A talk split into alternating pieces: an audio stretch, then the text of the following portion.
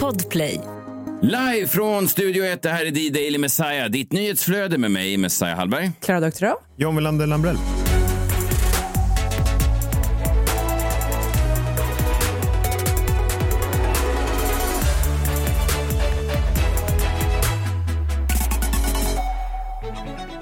Välkomna hit. Eh, det var någon som skrev i vår Facebookgrupp precis eh, det här som vi ofta trycker på att det här är en podcast för hela dagen.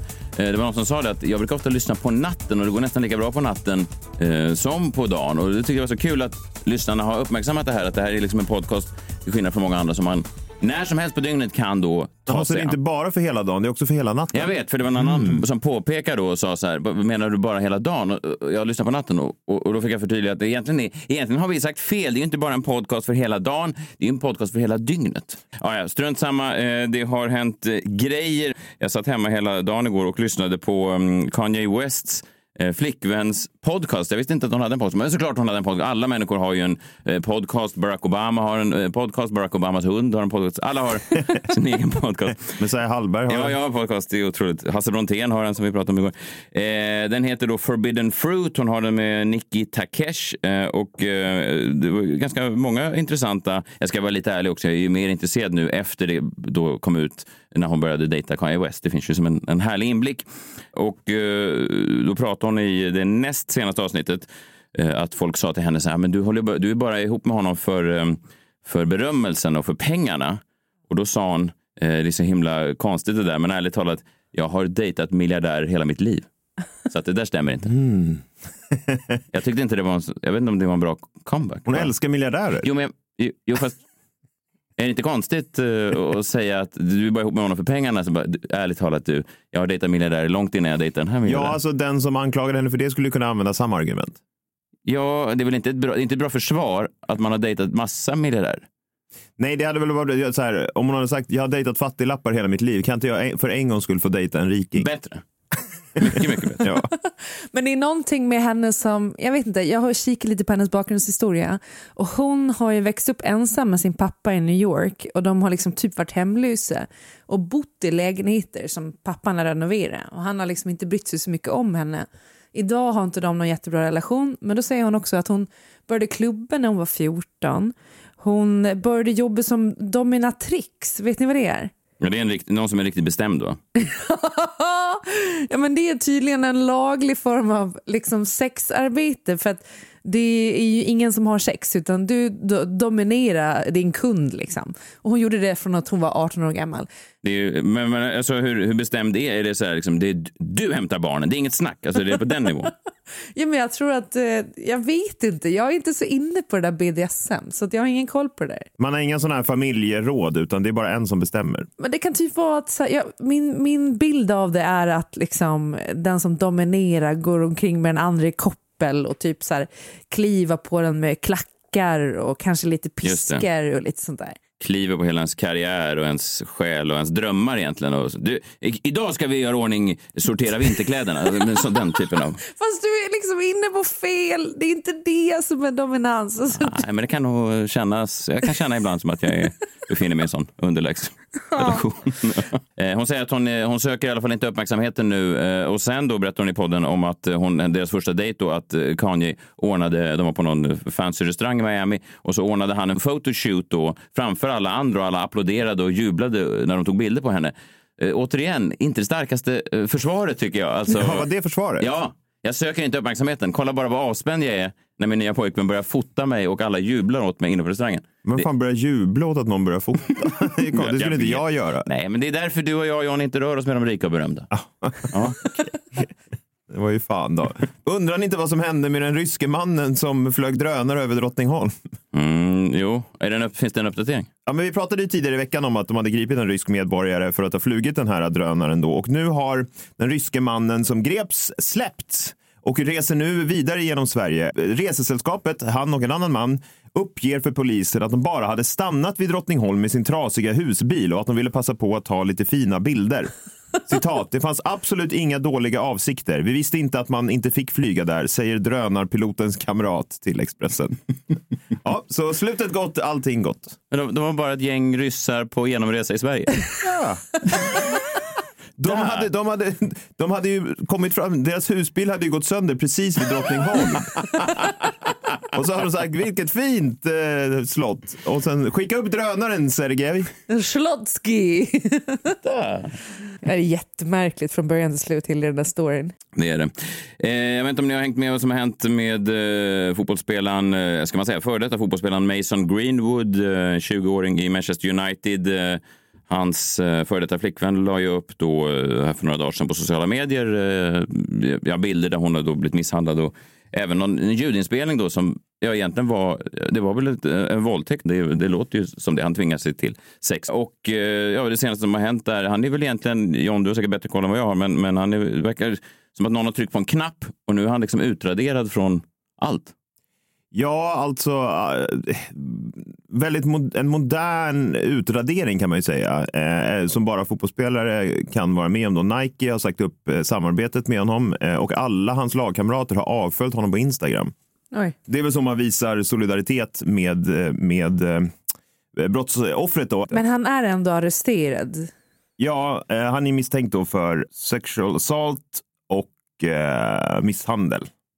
Mm. Ja, vi får väl invänta rättegången. Ja, absolut. Men, men om man säger så här, det är ju vä- väldigt få eh, folk som begår eh, sexuella övergrepp som döms överhuvudtaget för bevisföringen är så svag. Här känns det ju som att det finns, i alla fall med mina, min amatörblick, väldigt starka bevis. Men, så att det är ju såklart en, en sjuk situation. En, en 20-åring som verkar då ha växt upp i någon slags bubbla eh, och blivit eh, ja, jag vet inte, skadad någonstans längs vägen i alla fall. Men det är ju intressant. Jag såg även att eh, fotbollsspelet och Fifa direkt tryckte på en knapp och raderade honom ur eh, spelet. Eh, Det, det, liksom, det, är en, det känns som att det finns en knapp för alla i samtiden nu. Alltså att alla företag har en knapp som man kan trycka på. Ja. Och då är man, eh, poff, så är alla spår, alltså även om du är med i Hall of Fame eller någonting så raderas du ut. Vi får se vad det tar vägen. Men vad hans fotbollskarriär beträffar så är det ju svårt att se honom komma tillbaka kommer vad som än händer. Men, men det kommer ju aldrig, alltså vilket lag, vilken sponsor skulle, alltså det finns ju ingen, det finns ju ingen chans i världen att han eh, kommer tillbaka. Alltså att Nike hoppar tillbaka som sponsor på honom känns ju bara osannolikt vad som än händer från och med nu. Nej, men det kommer ju inte hända. Såklart inte, och med, med all rätta. Men... På tal om att bli eh, cancellerad, vi pratade om Joe Rogan eh, igår. Vi har ju en egen Rogan i Sverige. Han heter Alexander Pärleros. Han har eh, Framgångspodden. Eh, I veckans avsnitt då så har han då forskaren Katarina Gospic. Jag vet inte han uttalar hennes. Gospic tror jag det är. Och hon eh, pratar då om vaccin. Det känns som att alla jävlar pratar om vaccinet och att man direkt nämner någonting om vaccinet så blir man ställd på den ena sidan. Eh, och vad ska man säga om Pärleros? Han är väl en, om man säger att Joe Rogan ibland verkar lite okunnig kanske, eller oinsatt eller nyfiken sådär, så är det ju ofta tror jag för att han sätter sig i den rollen som intervjuare. Att han säger så här, men jag är bara en observatör och att han är egentligen kanske smartare än vad han ger uttryck för i podden. Alexander Pärleros är väl lite eh, tvärtom där. Eh, Pärleros tar sig an varje intervju eh, och ställer de frågorna som vilken vetgirig nioåring som helst hade velat ha svar på. Och jag, tror inte att, eh, jag tror inte att han st- liksom förställer sig, utan jag tror att utan de där frågorna, eh, om man har en riktigt vetgirig nioåring och Alexander Pärleros eh, som skriver frågor på varsitt papper så är det exakt samma frågor som kommer fram. Och det är såklart har sin charm det är också. en del av framgången. När han har den här forskaren där så säger hon i stort sett att eh, anledningen till att alla då ska vaccineras, även folk som inte är riskgrupp, att eh, det handlar om pengarna. Va? Läkemedelsindustrin vill åt pengarna. Och, ja, och nu är ju folk då, Eh, vissa rasar, men också på Pärleros Instagram säger vissa återigen det här som jag var inne på förut, det som man pratar om med, med Wahlbeck och sådär, att det är mod, va? Det är mod som visas när du då eh, bjuder in någon som pratar så här om vaccinet. Då är du modig. Äntligen någon som vågar lyfta frågan, säger Nettan. Eh, Lingontjuven säger skönt att sanningen kommer fram mer i ljuset. Eh, Cecilia the Satellite säger ja, äntligen en mer öppen sanningsdialog. Det är inget ord, Cecilia Satellite! Sanningsdialog. Det borde vara. Ja. Och så många som säger gud vilket mod, vilket mod. Ja. Eh, Olivia säger allt handlar väl om makt och pengar idag. Den som inte ser det är blind och som har gjort en sån där apa som håller för ögonen. Eh, någon säger starkt Alexander. Tack för att du belyser detta. Så himla bra, säger Oso Real 87, att sanningen förs fram i ljuset. Jag förstår inte mig på folk, men det har jag å andra sidan aldrig gjort. Eh, jag tror inte att eh, någon blir cancellerad här, men man, det, det finns Har du någonsin känt att känslan är ömsesidig? att folk inte förstår mig. Ja. Ja, det händer väl det också. Ska vi inte bara ta hit en antivaxare? Alltså är det inte där det, är det, inte där det slutar? Och då att vi öppnat för en Ja, men jag, vi vill också ha en sån där, att vi är modiga. Jag vill också vara modig. Jag har aldrig Ja, varit modig i hela vadå? mitt liv. Nej, men du har väl velat vara? Ja, jag har velat vara. Nu har du ju en chans att vara modig. har, har jag verkligen Ja. Vadå? Folk tycker om vi skulle bjuda hit den där, då skulle ju vi vara modiga. Fast vi, det är inte vad är mod med det? Vad är mod med det? Nej, men vi tycker inte det egentligen, men alla andra verkar ju tycka det. Vadå att folk skulle säga att vi var, alltså att vi som... Att, som Vi skulle kunna få lingontjuven som lyssnare, vill du inte det? Och tappa alla de vettiga lyssnarna vi har. Nej, jag tycker inte man ska säga Men vi sådär. kan ju förvarna de vettiga lyssnarna och säga att det här är bara en one-off. Nej, vi skulle kunna säga att det här är ett ovanligt modigt avsnitt. Sen kommer vi göra flaggan när vi återgår till vår politiskt korrekta propaganda. Förtryckt av staten, kapitalet och Anna Rast. Ja, det, det får bli fega avsnitt och sen ett som bryter av. Episod 67, mod, stora bokstäver. 68, feghet. Ja, ja, ja det, är bara, det var ju ingen dum idé alls faktiskt. Jag har alltid velat känna mig modig. Nu har du chansen. Ja, jag hör det.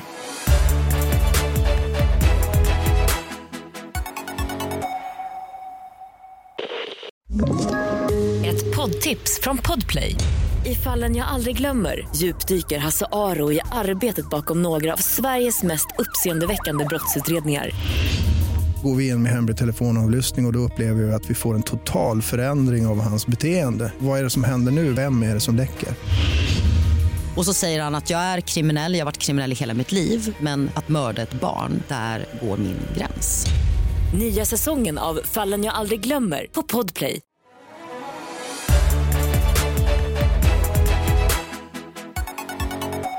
Klara Doktorov, på tal om mod, du har gett dig in i den eh, kristna världen. Ja, jag funderar på om jag ska eh, lansera en ny formatspunkt som heter Biskopnytt. Ja, Jag tänker att det kan vara liksom, Nog, det har det får du nog någonting. kolla med, med redaktionen. Biskopnytt. Är, det, är det sexigt? Ja, just nu är det i alla fall väldigt sexigt för att här i dagarna så såg vi då ett helt nytt begrepp som, eh, som fick utrymme i media. Att bli avkragad. Har ni koll på det här begreppet? är det en kristen cancellering? ja. Det är det ju. Ja, Ja, det är det ju Ja, verkligen. det här är det- Avkragad. Det stora cancelling-avsnittet. Otroligt. Ja. Nej, det var så att eh, ärkebiskopen Antje Jackelén, då, underbar person, jag träffade henne, hon förkunnade domen mot eh, Thomas Pettersson som är biskop i Visby stift. Och han hade för ett tag sedan anmält sig själv för otrohet. Han har haft en långvarig affär med en kollega inom stiftet. Då. Och så ville han väl att då kyrkans eh, eh, ansvarsutskott, eller vad fan de nu heter inom kyrkan, att de skulle utreda och se liksom, eh, men om det här kunde ha varit felaktigt. Han ville väl come clean antar jag. Men han, han, han hade alltså eh, själv då känt att skulden var så stark att han sökte upp någon för att förmedla det här. Ja, precis. Anmäl sig själv. Och här tror jag ju att det finns eh, otroligt många hundra begravda. För det känns ju som att det måste ha varit något fuffens alternativt att, att hans familj, hans fru kanske har varit så här, du måste göra det här nu annars kommer jag inte förlåta dig om du inte anmäler dig själv typ på den nivån. Eller så var det bara så att han kände att Gud sa att nu får du faktiskt gå och ta ansvar för det du har gjort. Men eh, beslutet då var väldigt oväntat och det är ju att han blir avkragad. Han får då inte fortsätta arbeta inom kyrkan som präst eh, eller motsvarande. Han får inte viga människor varför att ansvarsnämnden då inom kyrkan hävdar att man måste leva som man lär om man är biskop och det är ju särskilt viktigt om man är så högt uppsatt. Ja. Men får han, får han fortfarande inleda relationer med unga pojkar? Det är inte katolska kyrkan vi pratar om här.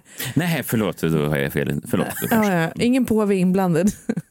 Nej. Eh, nej, men jag tror att det här är lite PR också från kyrkan, att man går ut och tar så här hårda tag. Också för att liksom i debatten man har varit ganska öppen inom hbtq-rörelsen och, och sådär. Jag tror att man vill liksom visa att kyrkan också kan vara stram. Tänker ni inte så? Ja, Vi kan också cancellera. Ja, precis. Vi kan också cancellera det. Men var inte den kristna kyrkan kanske den första eh, cancel culturen? Alltså var inte den första cancelkulturen egentligen? Att de, har inte de cancellerat folk i, i många hundra år? Är det inte det allt bygger på? Det är det allt bygger på. Men jag har faktiskt två tidigare erfarenheter av det här just i Svenska kyrkan när det kommer till biskopar. Jag har jag vet inte varför, men det är som att biskoparna har kommit till mig den här veckan.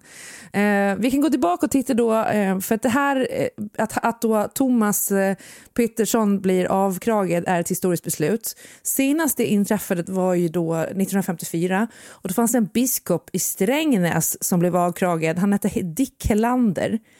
Passande namn. Bakgrunden var då att han hade... You can't write this shit. Nej, men han hade skickat ett, ett gäng anonyma brev då till präster i Strängnäs stift då, inför ett kommande biskopsval. Och eh, det var smädelser och sådär i de här breven och Dick Helander misstänktes ligga bakom. Eh, så han blev dömd för det här i Svea hovrätt och blev avkragad. Och sen då, det sjuka är att år 2002 så gjorde de en DNA-analys av de här breven och då visade det sig att det är inte hans DNA på kuverten. Det är inte han som har slickat igen. Nej, det var typ inte Dick. det är så jävla sorgligt. Men, men vad hände med Dick? Det är ingen som vet vad som... Han var- blev avkragad. Jo, jag förstår, men vad Det är hände? som någon slags omskärelse. Nej, men jag tror att han fick någon resning någonstans och sen så vet jag inte. det borde men han ha fått med det Men namnet. då hade han redan gått i pension så att när han fick resningen så hade, för han sa ju hela tiden att han var oskyldig. Den där rubriken skriver sig själv. Dick fick resning. Ja, Dick fick verkligen resning.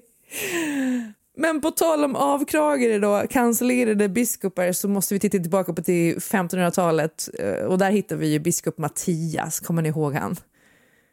Mm. Ja, du får påminna mig. Jag minns nog, men du kan påminna mig. Ja, men hans dotter då Sten Sture den yngre som krigade mot eh, Kristian Tyrann egentligen och dog i striden mot Kristian Tyrann och eh, då var det då ja, men Kristian den andra och ärkebiskop eh, Gustav Trolle som eh, liksom bjöd in till ett gästabud. Eh, Den här biskop Mattias hade eh, ganska snabbt gått över, bytt sidor då från eh, Sten Sture till Kristian Tyrann och hjälpte Kristian Tyrann egentligen att bli liksom ja, men accepterad av svenska folket så att det inte skulle bli uppror och så vidare. Så eh, med mm, biskop Mattias hjälp så kunde Kristian Tyrann inta Sverige och liksom an annektera Sverige som en del så att han var kung över hela ja, men, Norden. Mm. Eh, och sen så, vi vet väl alla vad som hände på Stockholms blodbad. De hade det här gästabudet och sen så, så drog de ut då biskop Mattias först av alla och avkragade honom med, en, med ett svärd ute på Stortorget. Då. Och eh, det blev början på. Det är ju en, re- det är en eh, re- rejäl avkragning. Det är ju inte det som skedde med han. Nej, men det är det jag Nej. säger. Det kunde ha blivit värre. Alltså, vi ska väl, Thomas Pettersson och, och Dick, Dick Helander de ska vara glada för att de slapp att bli av med huvudet i alla fall. Den värsta formen av avkragning. Det får man verkligen säga. Ja, och det var allt jag hade för eh, veckan då när det kommer till Biskopsnytt. Eh, spännande materia. Ja, verkligen. Men tror du att det finns material eh, i biskopsvärlden för att det här ska återkomma varje vecka? Det finns det ju. Ja, fast Det re- finns jo, det. det. finns det. Fast jag tänker redan eh, vecka Träd ett. fram biskopar. Jo, fast jag tänker att redan veckan ett så måste hon eh, gå tillbaka till 1500-talet för att hitta. jag tänker det kanske inte händer så mycket bland biskoparna annars. Eller gör det det? Det händer nog i slutna rum tror jag. Man ska ju inte döma personer efter sitt utseende, men han, han Thomas Petersson, då, biskopen, Men han ser, men han ser väldigt trevlig ut. Som en nallebjörn måste jag säga. Eh, vet inte vad, liksom, förutom att han har varit otrogen, vad mer han har gjort, men, men eh, nej. Ja. Jag vet också att det finns många som är emot det här beslutet och tycker att det var för hårt, men det är vad det är. Kyrkan måste få säga sitt. Verkligen. Dicken måste ha sitt som man brukar säga.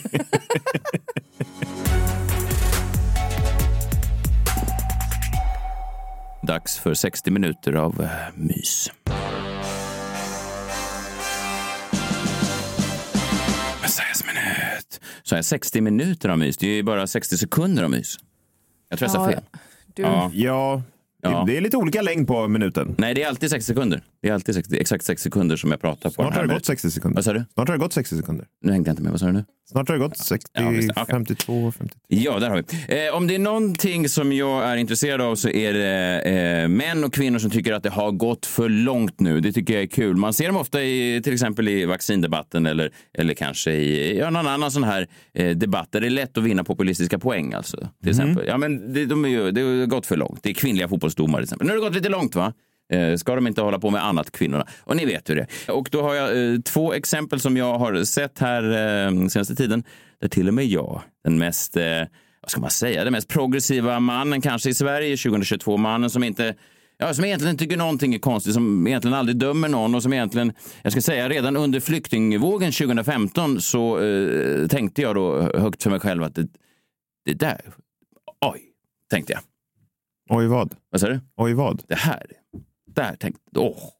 Så tänkte jag, att jag verkligen tog ställning där under 2015 under flyktingvågen. Redan då var jag progressiv och ännu mer nu. Men, men två grejer här då som har hänt på sistone som jag tänker nu kanske har gått lite långt. Eh, man, man ser det här ibland. Vi pratade om det här tidigare under eh, hösten var det va? När Microsoft hade sin stora digitala eh, presskonferens och de började hela presentationen eh, så här. Hello, everyone. I'm Natalie Gadilla. I'm a Caucasian woman with long blonde hair, and I go by she, her. I'm a product marketing lead here at Microsoft and co host of the podcast Security Unlocked with this guy. Yes, that would be me. Hello, everyone. I'm Nick Fillingham. I'm a Caucasian man with glasses and a beard. I go by he, him, and I'm a security evangelist here at Microsoft. We are so excited to be with Mm. Ja, eh, det, det är Det är ju... fortfarande svårt att tro att det där inte är ett skämt. Ja, jag vet. Det, det här är ju som en, en drift med woke-samhället. SNL-sketch, Ja, ja. verkligen. De presenterar sig att jag är jag är en syntolkning då, vem det är som pratar antagligen, glasögon och skägg. Då kan jag tänka, det där har gått lite långt. Jag tycker att det är onödigt. Även om jag vore svårt synskadad, alltså på gränsen till blind, så skulle jag känna att jag behöver inte all den där informationen. Nej, och han skulle ju kunna säga, alltså, om det bara är syntolkning, Ja. så skulle han kunna säga I'm a man. Han säger också identify as a him, he. Ja, det är mycket. Ja, men det, men det är liksom Det- mer än mycket. bara syntolkning, Ja. känns det som. Eh, två andra sådana här exempel där till och med jag, den mest progressiva mannen i Sverige 2022, har tycker att ah, nu har det gått lite långt. Okej, jag sitter på Gotlandsbåten i eh, somras eh, och på väg dit. Och då visar de en film på storbildsskärmarna på tv-apparaterna och då är det ett par bredvid mig som försöker hänga med i filmen. De har skruvat ner ljudet för det går inte att... Det stör väl då antagligen, så det är bara textning. Och textningen då av filmen En man som heter Ove är på arabiska. Jo då! Och jag ser att mannen bredvid mig, han kokar. Han säger, ja det fattar man ju. Det hade varit smidigare att ha det på svenska. Va? Då tänkte jag, har det gått lite långt nu? När vi, när vi har textning på arabiska på en filmen En man som heter Ove. Men hade de inte bara valt fel? Det går väl att välja vilket språk man vill ha? Ja, jag vet inte. Det var ju kanske inte var den smartaste killen i, på Nej. båten. Gå för långt tycker jag. Nu har det, Det var inte långt. kaptenen. Nej, det, det, nej, det var inte. Jag tänker bara... Jag tänker bara om man har sina ehm, glasögon på sig så att säga så kanske man eh, skulle kunna eh, gå upp i limningen om man satt och såg och ville se en film och så var det arabisk text utan ljud. Jag bara tänker att nu lever jag i mitt eget Golgata.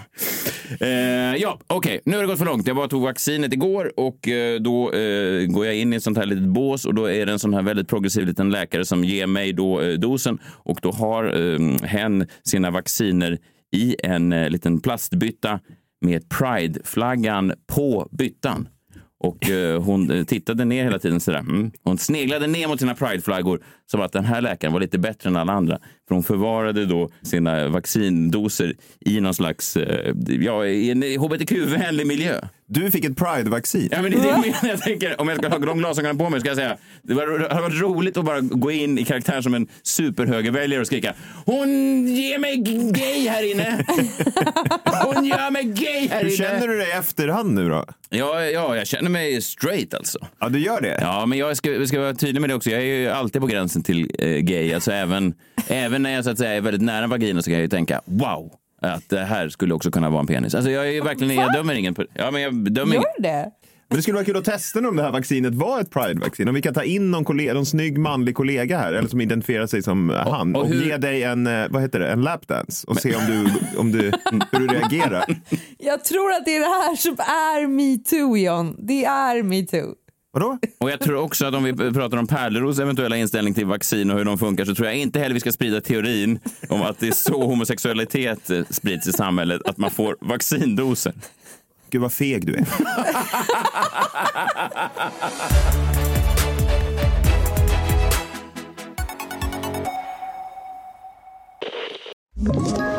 Ett poddtips från Podplay. I fallen jag aldrig glömmer djupdyker Hasse Aro i arbetet bakom några av Sveriges mest uppseendeväckande brottsutredningar. Går vi in med hemlig telefonavlyssning och, och då upplever vi att vi får en total förändring av hans beteende. Vad är det som händer nu? Vem är det som läcker? Och så säger han att jag är kriminell, jag har varit kriminell i hela mitt liv men att mörda ett barn, där går min gräns. Nya säsongen av Fallen jag aldrig glömmer på Podplay.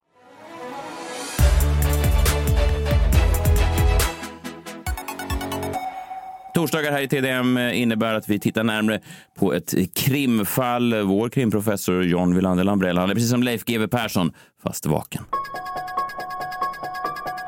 Krimmorgon. Mm, högst älskat segment där. Eh, Varje torsdag tar du an ett, ett nytt fall. Eh, Vilket eh, fall har du ögnat mot idag? Eh, ett fall som jag vill hävda saknar motstycke i eh, kriminalhistorien. Och, eh, Man säger ofta det, motstycke, men det här menar du verkligen är, saknar motstycke? Ja, det saknar motstycke Okej. i kriminalhistorien. Ja. Och fallet kallas väl för Überlingen 2002. Och eh, det var då ganska exakt 20 år sedan idag som ett ryskt passagerarplan lyfte från Moskva klockan 20.48 för att flyga mot Barcelona. Helt i sin ordning. Men samtidigt så är ett fraktplan från DHL på väg eh, åt motsatt håll. På passagerarplanet finns 69 passagerare och på fraktplanet finns alla Kaja Cosmetics eh, returnerade julkalendrar. Oj, stort plan då. Ja, det, de fick ju flyga flera omgångar då. Men när planen kommer in i tyskt luftrum så märker flygledningen som sitter i Zürich i Schweiz att de ligger på samma höjd. Eh, och Det är något som inte är liksom så ovanligt, men då är det upp till flygledningen att ta kontroll för att justera höjden på planen. Och vid detta tillfälle var två flygledare i tjänst i Zürich, men en av dem var på rast. Eh, så en ensam flygledare var ansvarig för hela det luftrum som han ansvarade för då och han heter Peter Nielsen. Eh, och Han hade ansvaret för att övervaka två radiofrekvenser och två radarskärmar. Och eh, klockan 23.34 så varnades besättningen ombord på passagerarplanet av antikollisionssystemet ombord, alltså ett sånt automatiskt system, varnade för att de låg på kollisionskurs med ett annat flygplan och strax därefter uppmanades besättningen av flygledaren Peter Nilsson att gå ner till en lägre höjd, vilket passagerarplanet gör. Men några sekunder senare så fick besättningarna på båda flygplanen, passagerarplanet och fraktplanet, en varning från sina system och passagerarplanet fick order om att stiga och fraktplanet om att sjunka. Det är lite krångligt det här, men eh, besättningen ombord på ena planet försökte reda ut vilken order de skulle lyda. De fick motsatta order från flygledaren och från sitt automatiska system på flygplanet. Är ni med? Ja, jag, jag tror det i alla fall. Det, är- det är två plan i alla fall som är på, på väg att krocka. Eh, ja, precis. Och då säger eh, det automatiska systemet ombord på planet lyft Ja. och flygledaren Peter Nilsson i Zürich säger gå ner. Så de sa emot varandra då eh, lite grann. Det är som när Benjamin och Bianca ska försöka bestämma vilket familjenamn de ska utnyttja när de bokar restaurang då, Wahlgren eller Ingrosso. Ja, det är svårt så kan man få olika. Ja, Ja, men det kan vara svårt att veta. Vad ska man välja? alltså verkligen. man, man vet ju inte vad utfallet blir. Så sju sekunder efter datorns varning så upprepade flygledaren sin uppmaning till besättningen om att sjunka. Och då bestämmer det här planet för att vi gör som flygledaren säger. Vi väljer hans sida av det här, inte vad planet säger. Och enligt då gällande regler 2002 så fanns det ingen klar bestämmelse om vilken order som skulle följas först, instrumentet eller flygledaren. Liksom ska man välja Joe Rogan eller Neil Young ungefär? Man visste inte. nej.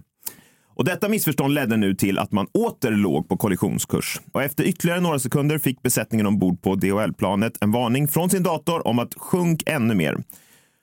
Man kontaktar flygledningen och meddelar nu ändrar vi vår flyghöjd och nu fick då även den ryska besättningen en ny varning från sin dator och eh, att man måste stiga. Så det är liksom oerhört krångligt här vad som händer. Det är nya varningar hela tiden. Flygledaren säger emot planet och, och vice versa. Och i det ögonblicket så får de två piloterna syn på varandra. Och det är inte, om man inte, så, om man inte kan så mycket om flyg och sådär så är det inte bra. nej, det är, Om du nej. ser ett annat flygplan Nej. framför dig när du flyger, det är liksom... Det är dåligt. Det behöver inte en flygledare berätta för dig att det ska du inte göra så att säga. Nej, just det, det är inte optimalt. Nej. Nej, det är inte optimalt. Och jag menar, båda reagerar ju då som jag antar att man gör, det vill säga att man börjar gira kraftigt. De svänger, tyvärr då åt samma håll, för att försöka undvika den här kollisionen. Men det är förgäves, de är också för nära varandra. Och klockan 23.35 kolliderar de två planen på en höjd av eh, cirka 35 000 fot. Stjärtfenan på DHL-planet, fraktplanet då, träffade det ryska planet på vänster sida nära nödutgångarna vid vingen. Eh, det ryska planet bröts i fyra delar och större delen av planet havererar på ett fält då utanför Überlingen som är en liten stad i Tyskland. Medan Boeing-planet, passagerarplanet, fortsätter cirka 8 kilometer norrut och havererar i en skog. Ingen ombord överlevde på något av planen.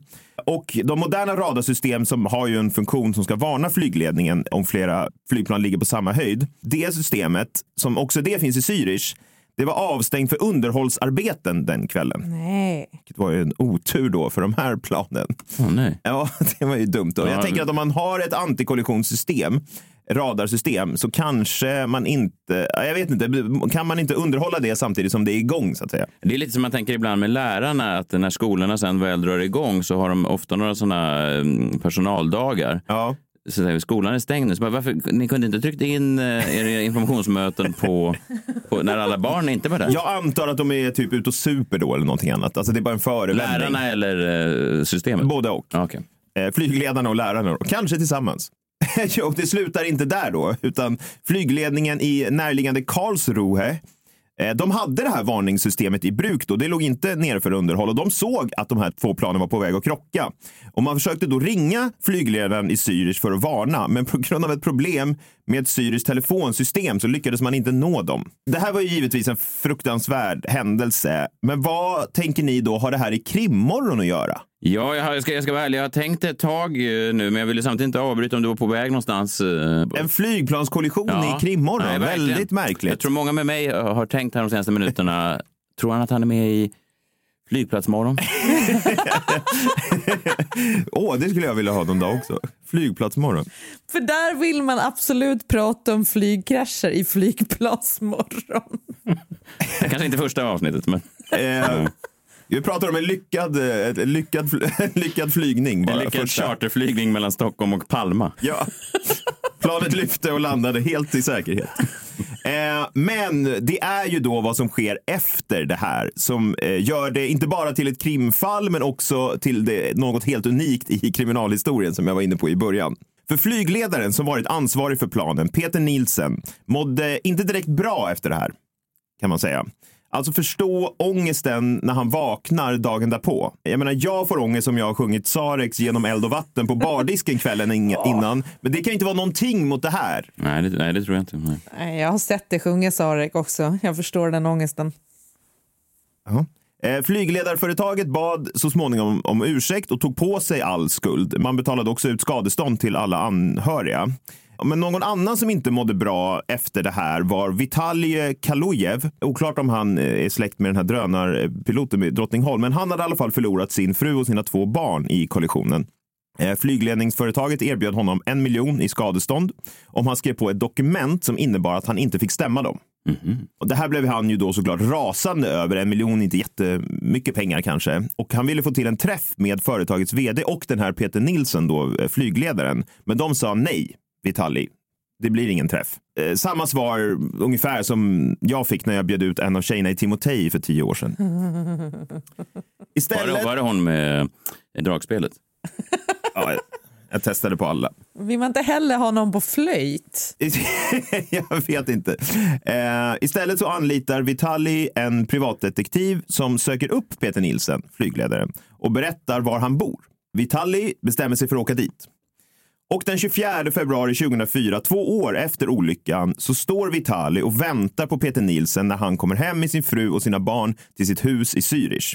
Alltså Vitali som har förlorat sin familj i den här kraschen står och väntar på flygledaren två år efter vid hans hus i Zürich. Han ber att få prata med honom. Han visar bilder på sina barn. Och vid något tillfälle tar han upp en kökskniv som han tagit med sig hemifrån och hugger Peter Nilsen till döds på hans veranda. Sedan åker han tillbaka till sitt hotell. Eh, Vitali döms till mord året därpå. Han erkänner ju det här. Eh, han släpps ut efter bara två år efter en överklagan då man ansett att hans psykiska tillstånd inte tagits med i beräknande när man fastställt den första domen. Och Vitali återvänder till Ryssland där han faktiskt gör myndighetskarriär. Han gör myndighetskarriär i en liten delrepublik där. Eh, Bara häromåret fick Vitali faktiskt ryska statens hedersmedalj för sitt arbete i den här republiken. Det är ungefär som att Lasermannen skulle få medalj för sitt arbete i Region Stockholm. Nej, men det är ju så sjukt. Vadå, en dömd mördare? Som, då, men som då ansågs vara så psykiskt instabil att, att han inte kunde hållas till svars då för det han hade gjort. Precis, Ja. och där slutar den osannolika historien om flygkollisionen ovanför Überlingen och det lika osannolika efterspelet. Det blev ju ett krimfall till slut. Ja, ett jäkla Ja. konstigt krimfall. Men jag tänker också, också som en liten kommentar till det att jag tror att ändå förståelsen för någon som mördar någon för hela sin familj att den liksom ändå är starkare än än, än mycket annat. Alltså så här, du, du, kom, du, kom, du blir inte cancellerad för att du har mördat någon som har mördat hela din familj. Förstår du? Du menar att Vitali blir inte avkragad för det här? Nej. Han fick hedersmedalj istället. Ja, det är motsatsen till avkragning. Ja. Och efterspelet var ju väldigt mycket att den här domstolen faktiskt släppte honom mycket för att de nog tänkte, ja men jag skulle ha gjort samma sak. Ja, exakt. Kanske. Ja, just, det. han, går, han går in i, i mordet med någon slags sympati i ryggen. Ja, det är väl bara spekulationer, men man kan ju tänka sig det. men det Annars måste är det ju- svårt ja, att bli nej, utsläppt efter bara två år när man blivit dömd till mord. Verkligen. Olika faller eh, livets lott. En del eh, trycker eh, dem på en knapp och är man borta för evigt. Eh, Sen i vissa fall så mördar man någon och får hedersmedalj. Vi hoppas att vi i alla fall är tillbaka imorgon. Då är det fredag. Då ska vi lyssna på mellolåtarna till helgen blir eh, som eh, har släppts och eh, ge lite tips och sånt där. Och sen så har vi lite tips på en mexikansk specialitet också. Jag brukar alltid äta det där på, på fredagarna. Vi eh, hörs eh, imorgon. Eh, det här var det modiga avsnittet tror jag. Eller vad, visar vi någon mod eller? Lite tycker jag. Ja, lite mod. Lite mod. Ja, vi ska försöka vara modigare imorgon. Eh, Vi hörs då. Hej. Hej! Hej!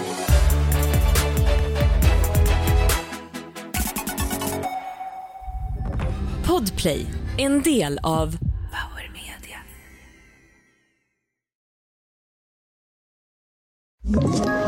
Ett poddtips från Podplay. I podden Något Kaiko garanterar östgötarna Brutti och jag, Davva, dig en stor dos skratt. Där följer jag pladask för köttätandet igen. Man är lite som en jävla vampyr. Man har fått lite blodsmak och då måste man ha mer. Udda spaningar, fängslande anekdoter och en och annan arg rant. Jag måste ha mitt kaffe på morgonen för annars är jag ingen trevlig människa. Då är du ingen trevlig människa, punkt. Något Kaiko, hör du på Podplay. Därför arkadeinerna.